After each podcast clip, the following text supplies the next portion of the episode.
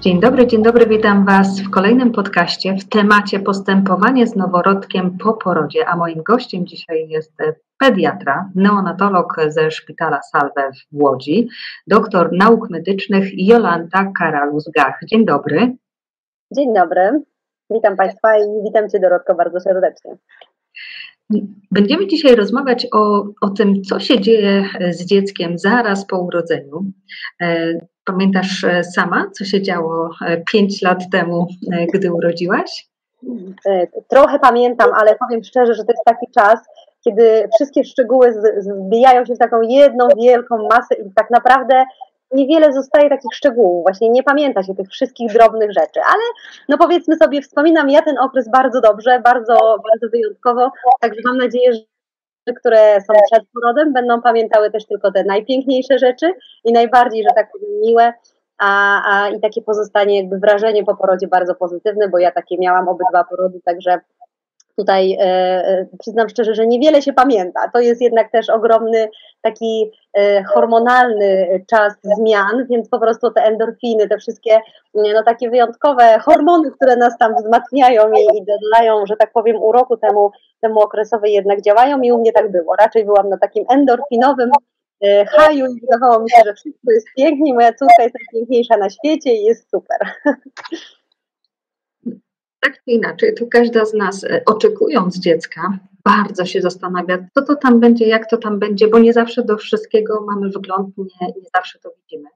E, na co dzień e, pracujesz w neonatologicznym, na neonatologicznym oddziale w szpitalu Salve w Łodzi. Dzisiaj miałaś nockę, prawda?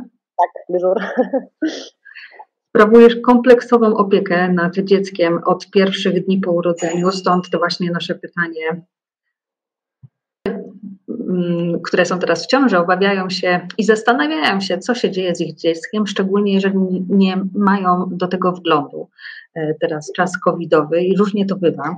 E, powiedz, jak jest u Ciebie w szpitalu? Czy wszystkie mamy są w pierwszej dobie po urodzeniu wraz ze swoim dzieckiem cały czas? staramy się bardzo nie rozdzielać tych mam. Decyzja, znaczy jakby teraz jeżeli rozmawiamy o mamach, mm, które przychodzą do porodu z dodatnim wynikiem e, w kierunku zakażenia COVID, no to faktycznie tutaj decyzja zostawiona jest trochę mamie, bo ona musi wyrazić zgodę lub no jej nie wyrazić na to, żeby dziecko z nią zostało. Czyli jakby albo decydujemy się na to, że ona zostaje wtedy z dzidziusiem, będąc dodatnia z objawami, no czasem infekcji, jest zawsze jednak ryzyko zakażenia tego noworodka i mamy to wiedzą i też tego się boją. No niestety w ciąży szczepienia e, przeciw COVID-owi nie idą tak bardzo pozytywnie, jak nam się wydawało, że mogą być prowadzone, w związku z czym e, bardzo duża grupa mam przychodzi bez szczepienia, czyli są niezaszczepione, zakażone i wtedy jest taki moment, kiedy do porodu musi podjąć decyzję, czy po urodzeniu dzidziusia będzie mogła i będzie chciała z nim przebywać w takiej izolatorium, czyli w sali, gdzie tak naprawdę jest odizolowana od pozostałych pacjentek, czy to dziecko jednak trafi na oddział noworodkowy czy neonatologiczny i zostaje jakby no też w takiej izolatce, ale pod opieką pań pielęgniarek i już teraz na oddziale neonatologicznym. Decyzje to są bardzo trudne dla tych mam. Ja bardzo współczuję Wam wszystkim mamom, E, porodów w okresie covidowym, w pandemii, te wszystkie szczyty, tak jak teraz mamy kolejną falę taką naprawdę dużej ilości zakażeń, bardzo nas martwią, dlatego że my sobie zdajemy sprawę z tego, że to jest bardzo trudny czas emocjonalnie dla Was, tak? Poród jest wyjątkowym okresem, a dodatkowo e, stres związany z zakażeniem, e, z ryzykiem przeniesienia tego zakażenia na noworodka i jeszcze stres związany z tym, że jesteście rozdzieleni, jest jakby no, trudny. Staramy się być e, pomocni, wspierający, robimy zdjęcia e, tym mamom tych dzidziusiów, nagrywamy im filmiki, przekazujemy e, te filmiki do nich, do tych izolatek, ale to jest mimo wszystko słabe, o tyle, że nam jest bardzo trudno wszystkie procedury takie standardowe, nad którymi pracujemy, czyli to, co chcemy wdrażać, żeby ten kontakt był nieprzerwany, żeby dziecko było cały czas w czasie pobytu na oddziale przy mamie, żeby nie było tego rozdzielania, tak? Czyli to wszystko, nad czym my w Polsce jeszcze mamy nad czym pracować, bo nie wszystkie oddziały te standardy neonatologiczne spełniają, jakby teraz w, w obliczu pandemii no, zrobiliśmy krok do tyłu, tak? Bo sami musimy jakby z przyczyn epidemiologicznych część e, mam odizolować. Nie ma takiego łatwego dostępu dla ojców do wejścia na oddział, do odwiedzin, no, które są wykluczone z przyczyn E, no naprawdę epidemiologicznych i one też wynikają z tego, że bardzo mało szpitali ma pojedyncze sale dla mam, gdzie tylko jedna mama leży ze swoim dzieckiem i na przykład odwiedzają wtedy ten jeden tata. Najczęściej są to dwu, trzyosobowe sale, czyli jakby no wszyscy mamy świadomość tego, że zwiększamy ilość e, odwiedzin, zwiększa ilość ryzyka przeniesienia zakażenia, tak? A myślę, że nikt nie chciałby się e, zarazić COVID-em od na przykład partnera dziewczyny, z którą się leżało na sali. To dlatego te decyzje są trudne i one są też trudne dla nas lekarzy, dla, dla ginekologów, dla pediatrów, dla mm, pań położnych, żeby to wszystko wspierać w tym, w tym okresie COVID-u. Jeśli chodzi o takie oddzielanie, to nie możemy powiedzieć my, jako lekarze, co zalecamy, bo to mama musi, wiedząc, jakie są czynniki ryzyka, podjąć świadomą decyzję. My nie chcemy tego dziecka jej zabierać, ale jednocześnie nie możemy nie powiedzieć prawdy, tak? Znaczy ukryć to, że jest ryzyko zakażenia i teraz już ta czwarta fala e, COVID-u pokazała też nam, że noworodki się zarażają i że też potrafią być objawowe i że mają czasem przebieg tego COVID-u ciężki, bo jednak okres noworodkowy jest szczególnym czasem i ta odporność noworodka na zakażenia jest mniejsza, w związku z czym musimy o tym pamiętać, tak? Próbujemy jakby tym mamom uczciwie powiedzieć, jaka jest sytuacja epidemiologiczna, ale decyzję zostawiamy ostatecznie mamie, no i tacie, bo tacie, tatowie głównie przez telefon, ale no też często podejmują tą decyzję razem z mamą. Dodajmy, tak jak powiedziałaś, można podkreślić jeszcze cudy sprzęt, że o, to cały czas Już próbuję tutaj, wiesz co, zrobić coś, ale na razie mi się coś popsuje. Okej, okay. o teraz powinno być ciszej to dodajmy jeszcze tą informację, to co podkreśliłaś. Wy nie chcecie separować mamy od dziecka, taty od dziecka, ale takie są e, po prostu warunki epidemiologiczne i dlatego tak jest.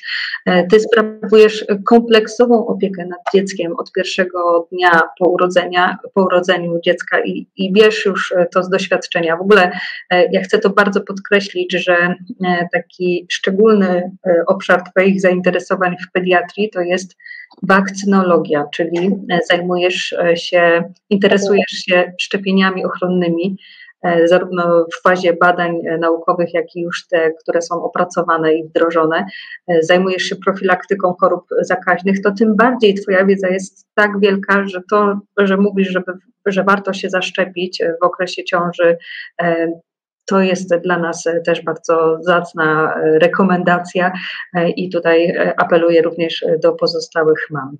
Wracając do tego tematu, co, jakie się dzieje postępowanie dosłownie z noworodkiem zaraz po porodzie, powiedz mi proszę, kiedy jest pierwsze badanie noworodka? Mm, no to opowiem Wam dwie, dwa scenariusze, bo w sumie tak naprawdę wszystkie są dwoma scenariuszami. Pierwszy scenariusz dotyczy badania noworodka, urodzonego siłami natury, ponieważ bardzo się różni ten scenariusz od badania noworodka urodzonego cięciem cesarskim. Rozumiem. E, badanie noworodka po takim naturalnym porodzie jest badaniem, które nie jest priorytetem, jeżeli dziecko rodzi się w dobrej e, stanie. Jeżeli e, pilnujemy zasady kontaktu skóra do skóry, pierwszego karmienia piersią w ciągu tych najkrótszych minut po porodzie, jeżeli wiemy, że to czy ono waży 3 czy 3200 nie ma znaczenia dla niego w pierwszych godzinach życia, tylko ma znaczenie, e, że czuje mamę, to tak naprawdę przestrzegamy tego i myślę, że tutaj większość na szczęście już oddziałów położniczych mm, e, tak naprawdę korzysta z tego przywileju jakby rodziców do kontaktu skóry do skóry i e, czy kangurowania przez taty, jeżeli jest jakakolwiek przyczyna interwencji u mamy, no to te dzieci są faktycznie najpierw kangurowane. I pierwsze badanie tak ustawowo powinno się odbyć w ciągu 12 godzin od porodu, tak? Czyli jakby ustawodawca przewiduje, że my mamy naprawdę 12 godzin na pełne pediatryczne badanie noworodka, czyli nie musimy się wcale spieszyć, tak? Jeżeli wiemy, że rodzi się ładny, zdrowy noworodek, jeżeli w wywiadzie ciążowym u mamy też nie mamy obciążeń, czyli no jakby wiemy, że prenatalnie nie było powodów, dla których ja jako neonatolog muszę tego e, pacjenta zbadać od razu, to mogę takie dziecko zbadać no, w ciągu 12 godzin. Zazwyczaj to jest tak, że po kontakcie skóra do skóry, kiedy pacjent, znaczy pacjentka, czyli mama razem z noworodkiem przewożona jest już na oddział e, położniczy, czyli wyjeżdża z sali porodowej, mm, w punkcie noworodkowym, czy właśnie obok sali porodowej są zazwyczaj stworzone takie, przynajmniej w moim szpitalu tak jest, ale w większości, w których tam pracowałam też tak było, są takie punkty, gdzie mamy miejsce do zważenia, zmierzenia, do podania wszystkich profilaktycznych procedur i przeprowadzenia potem tego noworodka już właśnie na oddział z mamą. Badanie odbywa się przy rodzicach, to też chciałam Państwu jakby podkreślić i myślę, że większość rodziców to też sobie ceni, że my albo jeżeli mama nie może, to zapraszamy tatę, żeby był przy tym badaniu, żeby wszystko widział, żeby często sobie robił zdjęcia, bo tatusiowie uwielbiają e, obfotografowywać te nasze małe e, różowe dzieciaczki właśnie zaraz po, po, po porodzie przy badaniu. E, mierzymy, ważymy, robimy procedury profilaktyczne. O tych nie będę Wam opowiadać, bo już kiedyś opowiadałam, a też e, tak naprawdę to jest duża tam ilość takich drobnych rzeczy.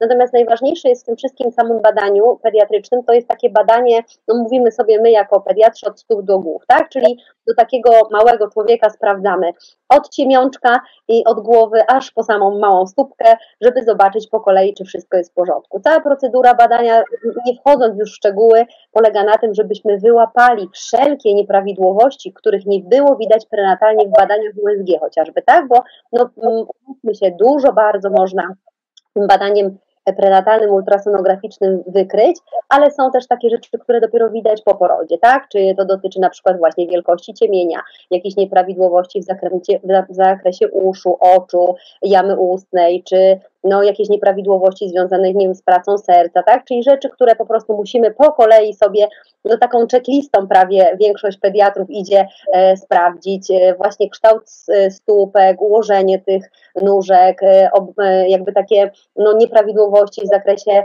e, powłok skórnych, w ogóle w zakresie skóry, tak? Czyli tych do, drobnych różnych rzeczy jest dużo i taki noworodek jest tak po prostu przeskanowany od góry do dołu.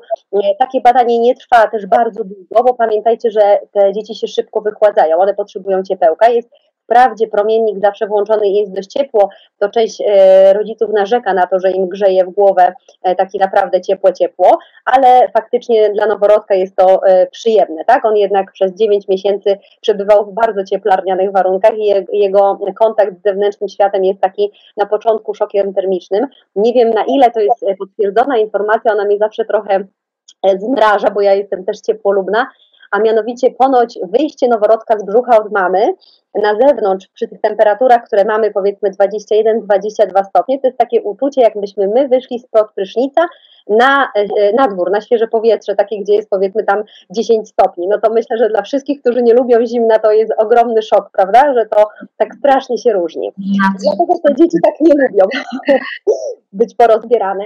E, jak wykonamy wszystkie procedury e, takie profilaktyczne, czyli podajemy witaminkę K, szczepienie, robimy mm, zabieg Kredego, no, te wszystkie takie podstawowe rzeczy, dzidziuś wraca z powrotem do mamy i tak już z mamą do końca pobytu w oddziale, jeżeli jeżeli się to udaje, zostaje. Po cięciach cesarskich jest inaczej, dlatego że jakby nie przedłużamy procedury ponownego badania dziecka, ponieważ i tak noworodek po wyjęciu z brzuszka trafia na stanowisko neonatologiczne, które jest na sali cięciowej, tak? Czyli de facto tam jest pobierana e, próbka krwi pępowinowej, która dla potrzeb jakby oceny przebiegu porodu mm, jest e, pobierana u każdego noworodka po cięciu cesarskim.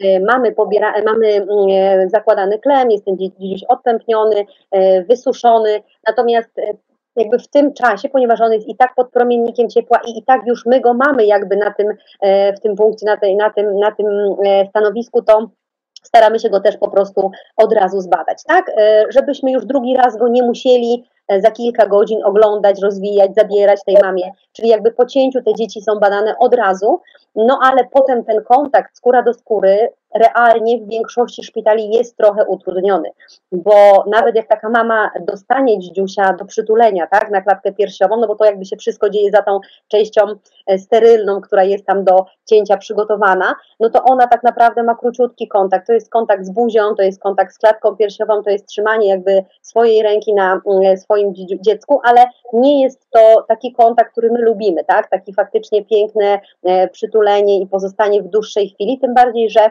E, bardzo dużą trudnością jest uzyskanie wysokiej temperatury E, otoczenia na sali cięciowej. E, tutaj przyznaję, jest najczęściej konflikt interesów. E, na szczęście w większości oddziałów wygrywają porody wcześniacze i ginekolodzy jakby dają się ładnie uprosić, żeby temperaturę na sali cięciowej podnieść do 26 stopni ale w mm, przypadku porodu na przykład dziecka z sił natury, proszę też mieć jakby e, na względzie to, że ginekolog ubrany jest na jałowo kilka warstw tych wszystkich ubrań, im jest naprawdę gorąco w tych wszystkich rzeczach.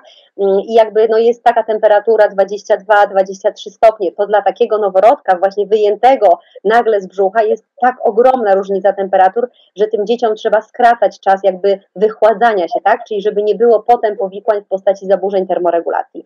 No i taki dzidziuś już potem jest badany dopiero jak jest z mamą na oddziale, mm, powiedzmy czasem nawet następnego dnia, tak? Czyli jeżeli przy porodzie, przy y, pocięciu nie mamy do niego zastrzeżeń, to drugi, kolejny raz już go nie badamy.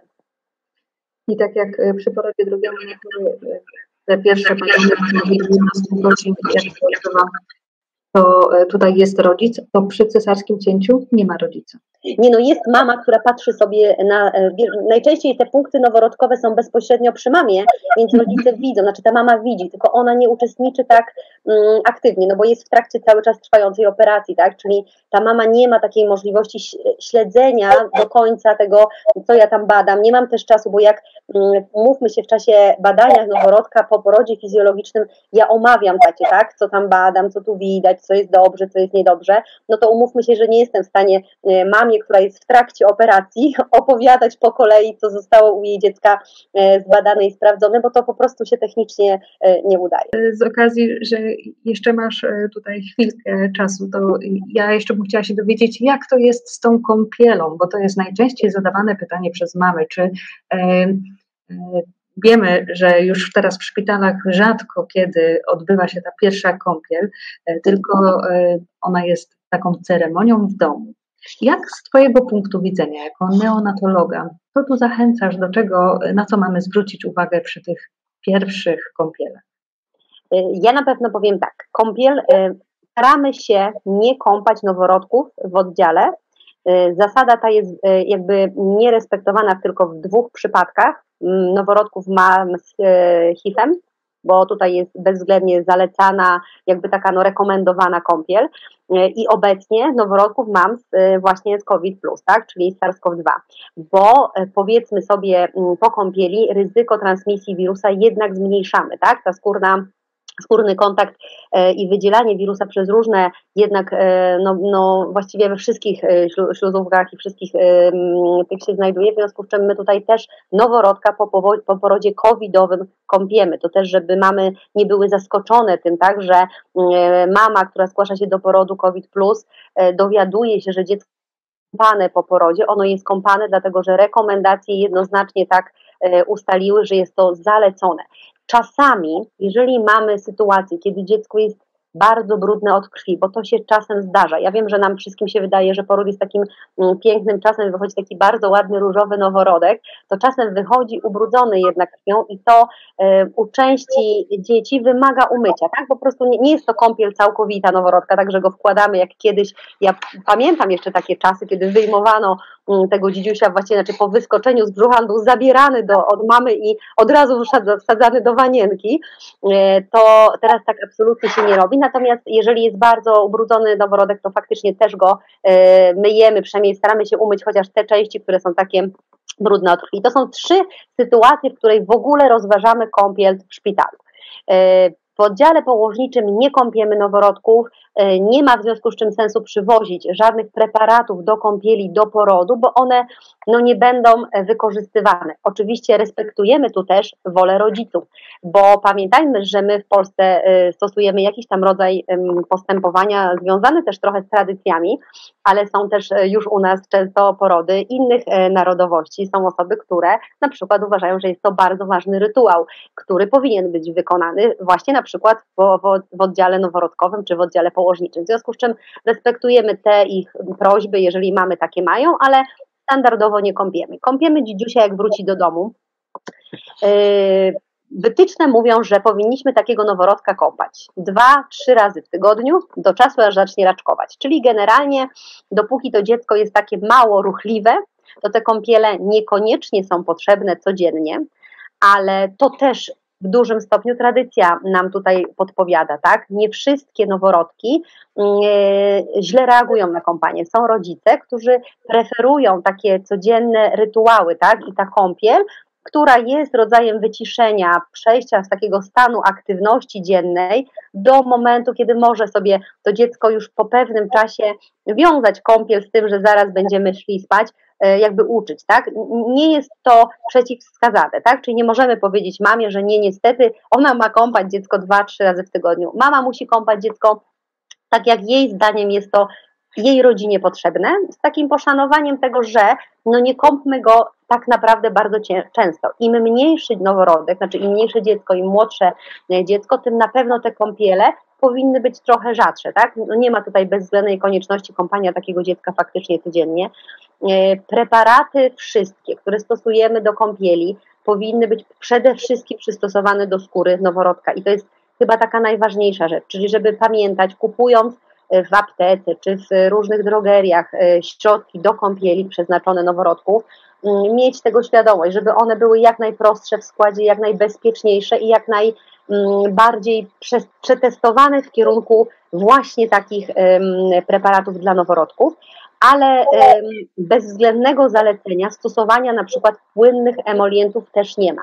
Takie emolienty zalecamy rodzinom, u których jest wywiad alergiczny, czyli pamiętajcie, jeżeli w rodzinie jest alergia, starsze rodzeństwo ma alergię, czy rodzice mają alergię, to te dzieci faktycznie częściej ich skóra będzie wymagała emolientu do kąpieli, ale u części z tych dzieci nie ma takiej potrzeby. To znaczy u takiego zdrowego noworodka nieobciążonego wywiadem alergicznym czy atopowym zapaleniem skóry, które na przykład wystąpiło u rodzeństwa, nie musimy tych emolientów od razu wdrażać, a na pewno nie w pierwszych dniach życia.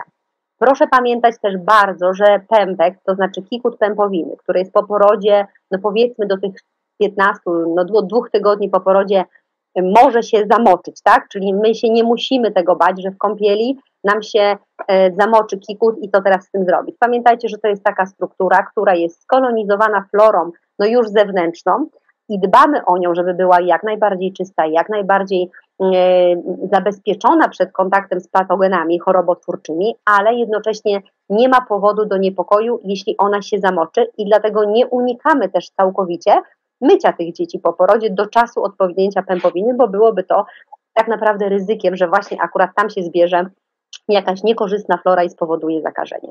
Także na pewno to jest taka rzecz do, e, do pamiętania, czyli ta kąpiel może być, ale nie jest to absolutny obowiązek taki w ciągu dnia.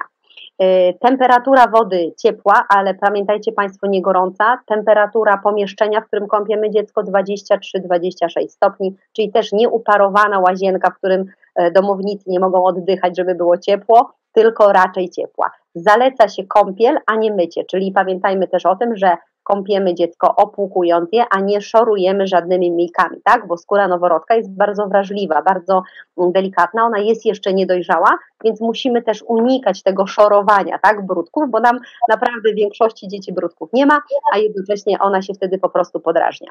E, po kąpieli szybko osuszamy, nie wycierając, tylko osuszając, tak, czyli y, wkładając w ręcznik, a nie, nie pocieramy tego, e, tego noworodka skóry, bo to też jest dla skóry niekorzystne. Nie wiem, czy wszystkie mniej więcej oczekiwania co do kąpieli y, spełniłam, czy coś jeszcze, jakieś pytania masz? Pięknie to przedstawiłaś tak obrazowo i, i technicznie, nawet dosłownie, jak ja już tą parę sobie tutaj wyobrażałam, bo tak właśnie niestety bywa, e, że, że przegrzewamy w tym momencie e, łazienki, e, wszędzie wszystko nagrzewamy, zupełnie niepotrzebnie, tak jak mówisz. Jest jeszcze coś, to można by było dodać z punktu widzenia e, Twojego tutaj wykształcenia, doświadczenia, e, jesteś pediatrą, neonatologiem, czy coś jeszcze warto tutaj podkreślić w tych pierwszych dniach e, z noworodkiem? Powiedz proszę na koniec. O, bardzo trudne pytanie. Mm. Szerokie, wiem. Szerokie, tak. Na pewno podkreślę to, że bardzo, e, bardzo, bardzo prosimy wszystkie mamy i też jak już wyjdą z oddziału noworodkowego, bo jakby no to w oddziale my mamy e, dużo osób, które e, są dookoła państwa, tak? Czyli przychodzą panie położne, przychodzą lekarze, ginekolodzy, pediatrzy. Tam jest zawsze czas na zadanie pytania. Proszę się nie bać nigdy zadawać tych pytań. Nawet jak Państwu się wydają takie bardzo abstrakcyjne, albo w ogóle, że to w ogóle może ja nie zapytam, bo to wstyd takie pytanie zadawać. Proszę, no pamiętajcie, że my po prostu mm, to dla nas są oczywiście rzeczy codzienne, ale to jest nasza codzienna praca i my po prostu zdajemy sobie sprawę z tego, że macie prawo tego nie wiedzieć, albo że gdzieś tam na jakimś etapie po prostu to jest coś, co Was nurtuje, a my jesteśmy tam właśnie w oddziale po to, żeby te wszystkie nawet najmniejsze dro, drobne wątpliwości e, ogarnąć i żeby na te pytania trudne i śmieszne i, i czasem zaskakujące też nas e, odpowiedzieć. Natomiast e, po wyjściu ze szpitala naprawdę bardzo to, co ja uważam w naszym kraju bardzo kuleje, to opieka ta najwcześniejsza poporodowa, wizyty patronażowe, teraz w COVID-zie bardzo utrudniły się te kontakty.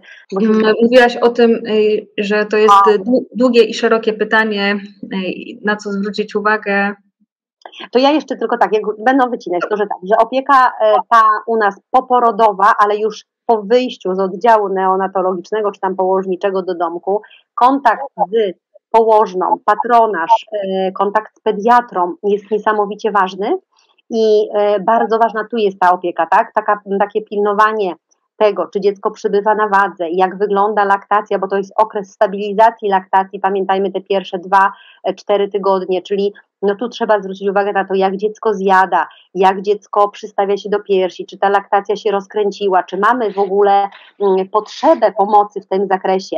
E, kolejną bardzo ważną sprawą jest żółtaczka, tak, to też jest rzecz, która rodziców bardzo stresuje, bardzo martwi, bo oni mają prawo nie wiedzieć tego, e, czy to już jest źle, czy to jeszcze nie jest źle, czy tak może być, czy nie może. I tutaj właśnie potrzebna jest ta nasza wczesna wizyta patronażowa, tak? Czyli to, że pediatra w ciągu dwóch tygodni widzi tego noworodka, czy to w warunkach domowych, czy w warunkach poradni, że położna przychodzi na patronaże i fizycznie spotyka się z tą rodziną, patrzy, jak wyglądają te wszystkie procesy, czyli i karmienia, i spania, i pielęgnacji, w ogóle ma wgląd w tą rodzinę, w której ten noworodek się znalazł, to jest ważne. COVID spowodował, że bardzo dużo mm, wizyt zostało przekształcone na teleporady, co jest tak naprawdę w przypadku noworodka nieporozumieniem.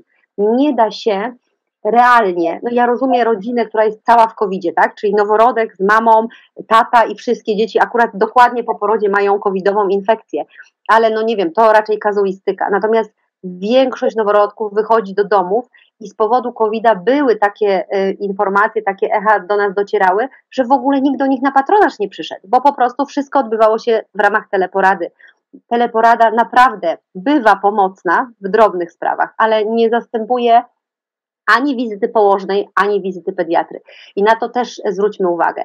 E, noworodek jest specyficznym e, pacjentem i on tak jak szybko się poprawia, tak szybko się pogarsza. I musimy o tym pamiętać, że jeżeli coś budzi niepokój mamy, a tak na, na, zwłaszcza jeżeli jest to mama, która już ma kolejne dziecko i ona wie, na co zwracać tutaj uwagę, to tym bardziej szanujmy tą, ten jej niepokój. A mamy pierwszych dzieci.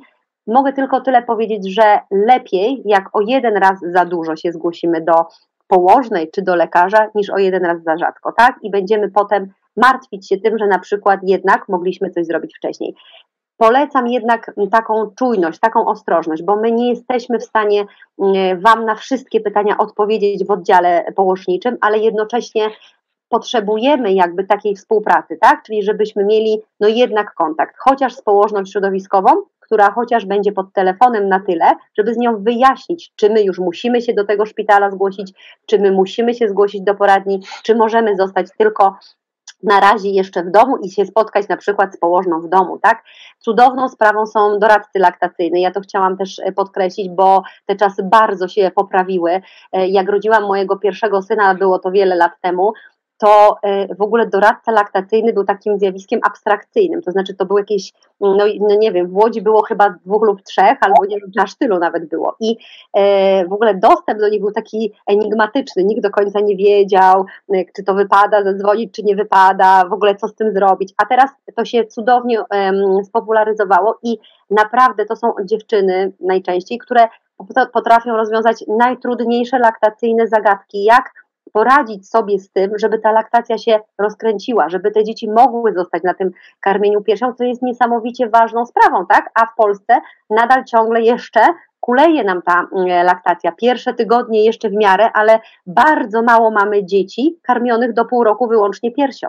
I to jest taka rzecz, nad którą też musimy pracować. I my jako pediatrzy, bo tutaj też, y, że tak powiem, kamyczek do naszego ogródku, ogródka trzeba wrzucić i położne, y, i środowiskowe położne, no i same mamy, które czasem mają takie wątpliwości, a może to mleko jest za mało wartościowe, a może moje dziecko się nie najada. I to są wszystko takie rzeczy, nad którymi mamy jeszcze dużo do zrobienia. Właśnie, wachlarz e, lekarzy, wachlarz specjalistów, coraz to e, większe grono tutaj osób, które się Wami zaopiekuje.